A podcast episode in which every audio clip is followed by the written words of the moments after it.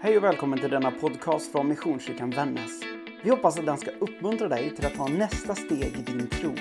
Om du vill ha mer koll på vad som händer hos oss, gå in och följ Missionskyrkan Vännäs på Facebook och Instagram eller kontakta oss via vår hemsida www.missionskyrkanvannas.se. Välkommen hem hit. Det berättas om eh, min mormor och morfar. Jag var tyvärr inte så gammal när de dog.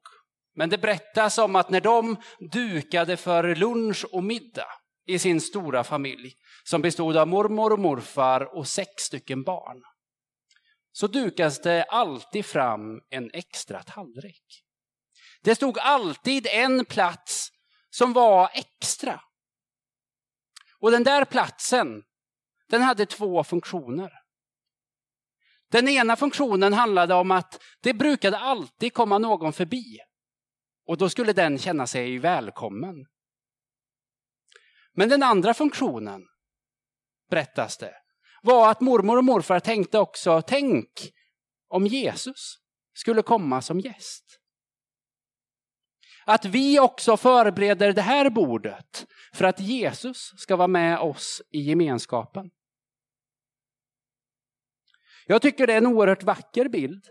Och den säger någonting viktigt om att visa gästfrihet och att visa på tro. När jag tänker på min uppväxt och tänker på det bordet vi hade hemma, så var köksbordet den platsen där jag tror att vi hade vår familjs viktigaste samtal. Det var där under måltiderna vi delade om livet, om hur det gick i skolan eller om det faktiskt var att man ville fråga någonting. Jag tänker också att bordet är så där centralt då vi fixar för fest. Självklart så vill man ju kanske att huset ska vara städat. Men bordet, det vill vi ju duka fint. Kanske ställa fram blommor på och göra så där lite extra festligt. Bordet tror jag att vi skulle kunna sammanfatta är en viktig samlingsplats där livet händer. Det är inte bara en möbel, utan det är någonting mer. Som Stina sa så är vi inne i en temaperiod som vi kallar Det sitter i väggarna. Under den här temaperioden så pratar vi om det som finns här i kyrkrummet. Varför ser det ut som det gör? Och varför gör vi som vi gör? Vilka är vi? Och vad betyder de här sakerna egentligen för oss? Idag ska jag predika om bordet och specifikt om nattvardsbordet. Varför är det bordet viktigt för oss som kristna? Och vad säger det om oss? Men låt oss knäppa händerna. Tack Jesus att vi får vara här, att vi får samlas och att vi också får dela livet. Tack Herre för min mormor och morfar. Tack Herre för min mamma och pappa. Och tack Herre för att vi får ibland också ordna med fest. Tack att bordet får vittna om någonting större än oss själva. Visa oss Herre också vad, vad ditt bord kan betyda för oss idag. Amen. När Missionskyrkan växte fram för sådär en 140 år sedan så var det tre bord som man skulle kunna säga var extra viktiga. Det första bordet var fikabordet. Om ni tänker på alla missionshus runt om i landet så byggdes det oftast en kyrksal och en sidolokal där man ordnade med fika. Man byggde oftast ett litet kök eller ett pentry där man i alla fall kunde ordna så att man kunde koka kaffe. För fikabordet, det var en del av identiteten att vara kristna. Att man samlades till det där enkla samtalet över en kopp kaffe eller en kopp te. Det var ingenting som var ett tillval, utan det var en del av identiteten som Guds folk. Att vi samlas och äter tillsammans. Därför att Jesus, han åt med sina lärjungar och bjöd in människor till just gemenskap kring matbordet. Det andra bordet som var viktigt när Missionskyrkan växte fram, det var styrelsebordet. När frikyrkorna växte fram i mitten och slutet av 1800-talet så var demokratin viktig. Många församlingar hade kvinnor och män som satt i styrelser, som tillsammans ledde arbetet. Kvinnorna i, i Sverige hade ju ingen rösträtt, men i de första frikyrkoförsamlingarna så hade kvinnorna rösträtt. Det här blev en del av kyrkans identitet.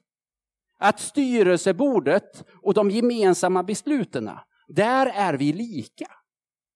Vi gör inte skillnad mellan man och kvinna eller mellan en högutbildad och en lågutbildad. Utan inför Gud så är vi lika. Och det symboliseras vid styrelsebordet. Det tredje bordet som var viktigt när Missionskyrkan växte fram, det var ju nattvardsbordet. Nattvarden var en central fråga, att kunna få fira den tillsammans. Men låt oss ta oss tillbaks lite i historien. När Sverige blev protestantiskt på 1500-talet så införde Gustav Vasa att kyrkan och staten, de blev kompisar med varandra. Staten använde kyrkan på ett sätt för att också kunna kontrollera folket. Det innebar att Sverige har en ganska grym historia av religiös förföljelse. Innan vi samlades till gudstjänst så samlades ju musiker och förbedjare och mötesledare och så som vi gör varje gudstjänst, eller varje, innan varje gudstjänst, för att be. Och en av bönerna den här dagen var tack att vi får vara ett land där vi får samlas till gudstjänst. Men backar vi historien så är det ju inte så det har sett ut. 1726 infördes en ny lag i Sverige. Den kallades konventikelplakatet. Den innebar att man fick inte samlas i hemmen eller någon annanstans till religiös samling om inte en präst närvarade. Samlades man till hemmet för bibelläsning eller bön utan en präst närvaro så riskerade man att åka i fängelse. Den här lagen upplöstes inte förrän 1868. Så över mer än 150 år var det alltså olagligt att samlas för att be. Samma period så fanns det en lag som kallas för sockenbandet. Den innebar att vi var indelade i olika geografiska enheter, så kallade socknar. Eller församlingar. Man var tvungen att gå till sin socken och fira gudstjänst. Det var där man skulle döpas, det var där man skulle vigas och det var där man skulle begravas. Eftersom det var där man blev folkbokförd. Ni som släktforskar kan ju säga å ena sidan att det här är vi väldigt tacksamma för. Men om man tänker den tanken att du fick bara gå till en kyrka och det var där och endast där du fick fira gudstjänst. Så blir det helt plötsligt någonting annat. Det är därför vi har de här kyrkstäderna här uppe i Norrland. Eftersom människor kanske fick vandra långa sträckor för att komma till sin kyrka. Där de en gång per år var tvungna att fira nattvard. Därför att staten ville ha koll på att man fanns i rullorna. Det här sockenbandet det upplöstes inte förrän 1868.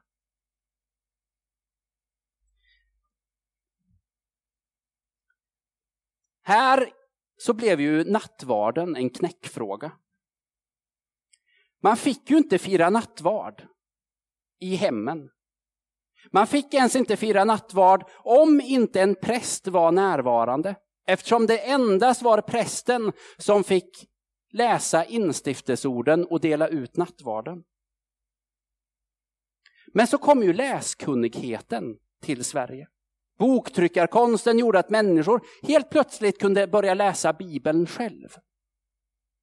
Och människor började läsa och upptäckte att Guds ord var ju så rikt. Och när man läste så upptäckte man ingenstans i Bibeln att det stod att man endast fick fira gudstjänst där man bodde. Eller att man endast kunde fira nattvard om det var en präst med. Och man började att samlas i hemmen och läsa. Vi kallar därför den här rörelsen för läsarrörelsen. Och det är den missionskyrkan en gång är sprungen ur. Det som hände var att man började sudda ut de där gränserna mellan man och kvinna, mellan präst och lekman. Man tog bort de geografiska hindren utifrån att man trodde att Guds rike har inga fysiska gränser. Man började ifrågasätta det där med att kyrkbyggnaden är där Gud bor. Och istället ser det som att där Guds folk är, där bor Gud. 1878 bildas det som då hette Svenska Missionsförbundet. Det som sen blev Svenska Missionskyrkan och idag kallas för Equmeniakyrkan, som den här församlingen har sina rötter i. När det bildades så var nattvardsfrågan central. Och man sa att nattvarden, den kan delas och ledas av alla troende under ansvar och andens ledning. Det innebar att man behövde inte ha en pastor eller en präst som läste instiftelseorden och ledde den, utan man kunde fira nattvard i hemmet.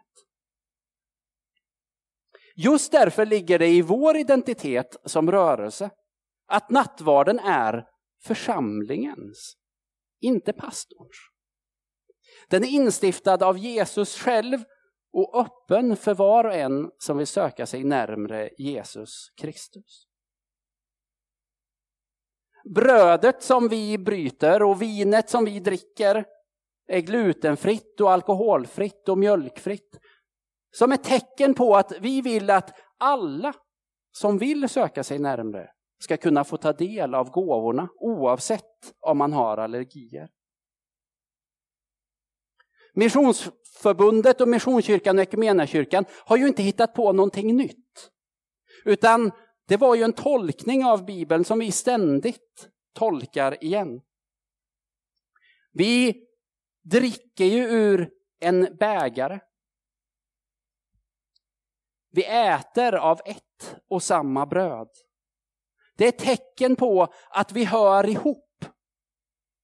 Att vi kommer från Gud och är på väg mot Gud och vi hör samman. Särkalkarna som vi använder var ju ett påfund som kom någon gång sekelskifte utifrån hygienskäl. Att man inte ville dela basiller med varandra. Men tanken har alltid varit att vi delar av samma. Bägaren, efter att vi har druckit, torkar vi med en vit duk. Det är en symbol för att när Jesus dog och korsfästes så står det i Bibeln att man torkade hans sår med linnedukar. Man torkade hans blod. Och det är det vi också gör med vår vita duk. Vi böjer knä vid en altarring för att visa vördnad inför Gud, men också för att påminna oss om evigheten. Ringen är aldrig fullständig, utan den är alltid halv. Det pekar på att det finns en annan halva i evigheten. Där vi får fira en annan typ av måltid, den himmelska måltiden. Att en halv cirkel påminner oss om just, just det. De som är nattvardtjänare, de har en konkret uppgift i att dela Kristus med oss. Nattvardtjänarna, de delar ut bröd och vin. Det är inte vi som tar bröd och vin. De ger Kristus till oss. Historiskt sett så har också brödet och vinet som har blivit över använts av diakonerna i församlingen för att gå hem till de som är sjuka eller de som inte kunde vara här. Och så firade man nattvard tillsammans med dem som inte hade möjlighet att vara här.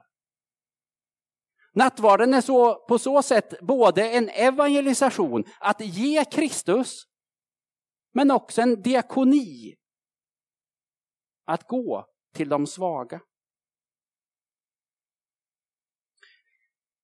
Men vad är det som händer vid bordet? Vad är det vi gör vid bordet och vad är det nattvarden är? Jag tänker att det viktigaste vi behöver komma ihåg är att nattvarden vittnar om Jesus. Och eftersom den vittnar om Jesus så vittnar den också om oss.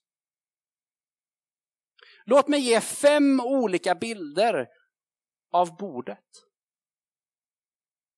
För det första så är bordet ett gemenskapens bord.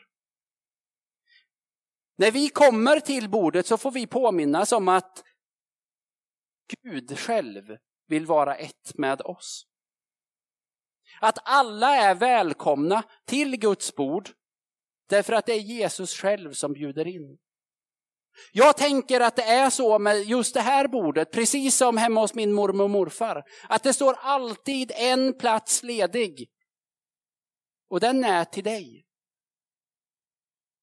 Det kommer alltid finnas ytterligare en plats för din granne, för din kollega, för din vän. Eftersom det är ett gemenskapens bord. Paulus i den texten som Stina läste i inledningen, han kritiserar ju folket i Korint därför att nattvardens bord, för dem är inte ett gemenskapens bord. Utan det är ett bord där de håller saker och ting för sig själva och säger här får inte du plats. Men Jesus säger någonting annat. Bordet skulle också kunna liknas vid ett nådens bord. Ett bord som vittnar om förlåtelse. Jesus säger i Matteusevangeliets 26 kapitel så här. Medan de åt tog Jesus ett bröd och efter att ha läst tackbönen bröt han det, gav åt sina lärjungar och sa Tag och ät, detta är min kropp. Och han tog en bägare och efter att ha tackat Gud gav han den åt dem och sade, drick av dem alla. Detta är mitt blod, förbundsblodet, som blir utgjutet för många till syndernas förlåtelse. Paulus, han uppmanar ju oss att förlåta varandra inför nattvarden. Just därför brukar vi ha en tyst stund av ransakan och bön innan vi tar emot nattvarden. För att vi ska förlåta, liksom han har förlåtit oss. Därför har vi fridshälsningen ibland, där vi hälsar varandra med Guds frid, för att påminna oss om vikten över att leva i försoning och frid. Jesus kallar sig själv för Guds lamm. Han som borttager världens synd. Han är det offerlamm som man i judisk tradition offrade för att själv bli fri. Vi erbjuds förlåtelse därför att Jesus har tagit allt på sig. Men vi uppmanas också att förlåta varandra. Om du tänker på dina måltider, visst är det svårt att äta tillsammans med någon man är osams med. Det går liksom inte riktigt. Måltiden och bordet uppmanar oss till just förlåtelse. Den tredje typen av bord tänker jag är ett relationens bord. I vår tradition kallar vi inte nattvardsbordet för altare, utan just för nattvardsbord. I judisk kontext var ju altare det bordet där man offrade djur för att vinna relation med Gud. Det var genom att man offrade som man kunde komma i kontakt med Gud. Men den kristna historien handlar ju om att Jesus har blivit vårt slutgiltiga offer. Att vi behöver inte längre offra djur eller någonting annat för att ha relation med Gud själv. Han har istället erbjudit oss en direktkontakt genom Jesus själv. Vi behöver inga offer, utan vi behöver bara tro. Det fjärde bordet skulle man kunna kalla för ett tacksamhetens bord. Nattvarden kallas ibland i vissa traditioner för eukaristi. Och det där krångliga ordet betyder just tacksägelse. När vi kommer till bordet så får vi påminnas om att tacka Jesus för allt det han har gjort. Att han har dött för var och en av oss. Och att han har uppstått för var och en av oss. Vi får påminna oss om att livet inte är självklart. Och vi får påminna oss om att det är inte en självklarhet. Att vi har mat att äta. Ge oss idag det bröd vi behöver, ber vi om. Det är ett bord av tacksamhet därför att den påminner oss om allt det vi har fått men aldrig kan ta för givet. Och det femte och sista bordet tänker jag är att det är ett festbord. Det är dukat till fest eftersom bordet påminner oss om evigheten. Den påminner oss om vem Jesus är och att han har erbjudit oss det eviga livet. Och just därför så är vi inbjudna till fest när vi kommer till Jesu bord. Så slutligen, bordet. Bordet är en samlingsplats där livet sker. Och just i nattvarden får vi påminnas om vem Jesus är, vilka vi är och vår kallelse att leva i gemenskap, i förlåtelse, i relation, i tacksamhet och i fest. Jag tänker att vi får påminnas när vi går till bordet om vår historia, vart vi kommer ifrån och vilka vi är. Jag tänker att vi får komma i vår nutid med allt det som är våra liv. Och så tänker jag att vi också får blicka framåt mot den evighet som han har förberett för oss.